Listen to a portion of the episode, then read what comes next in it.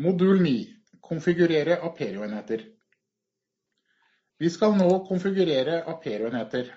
En konfigurasjon skal alltid gjøres, eh, selv om man bare skal overføre dato og klokkeslett, så er det også en konfigurasjon.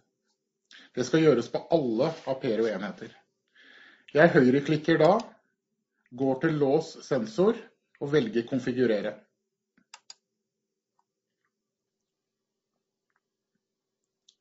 Jeg får kontakt med låsen, og her er det begynnelsen på konfigureringen. Det man ikke kjenner, skal man heller ikke røre. Vi har mange forskjellige oppsett, men la den stå til fabrikkinnstilling på alle punkter som du ikke trenger å endre på.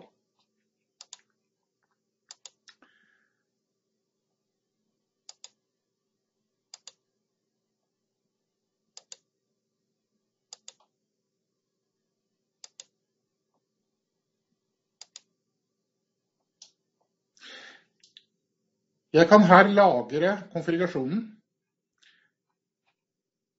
i stedet for å bare sende den over til én lås. Så velger jeg nå å lagre den først. Jeg lagrer den på et uh, navn.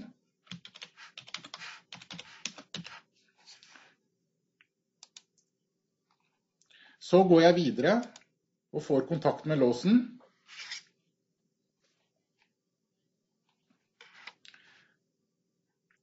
Den er nå sendt over dato og klokkeslett.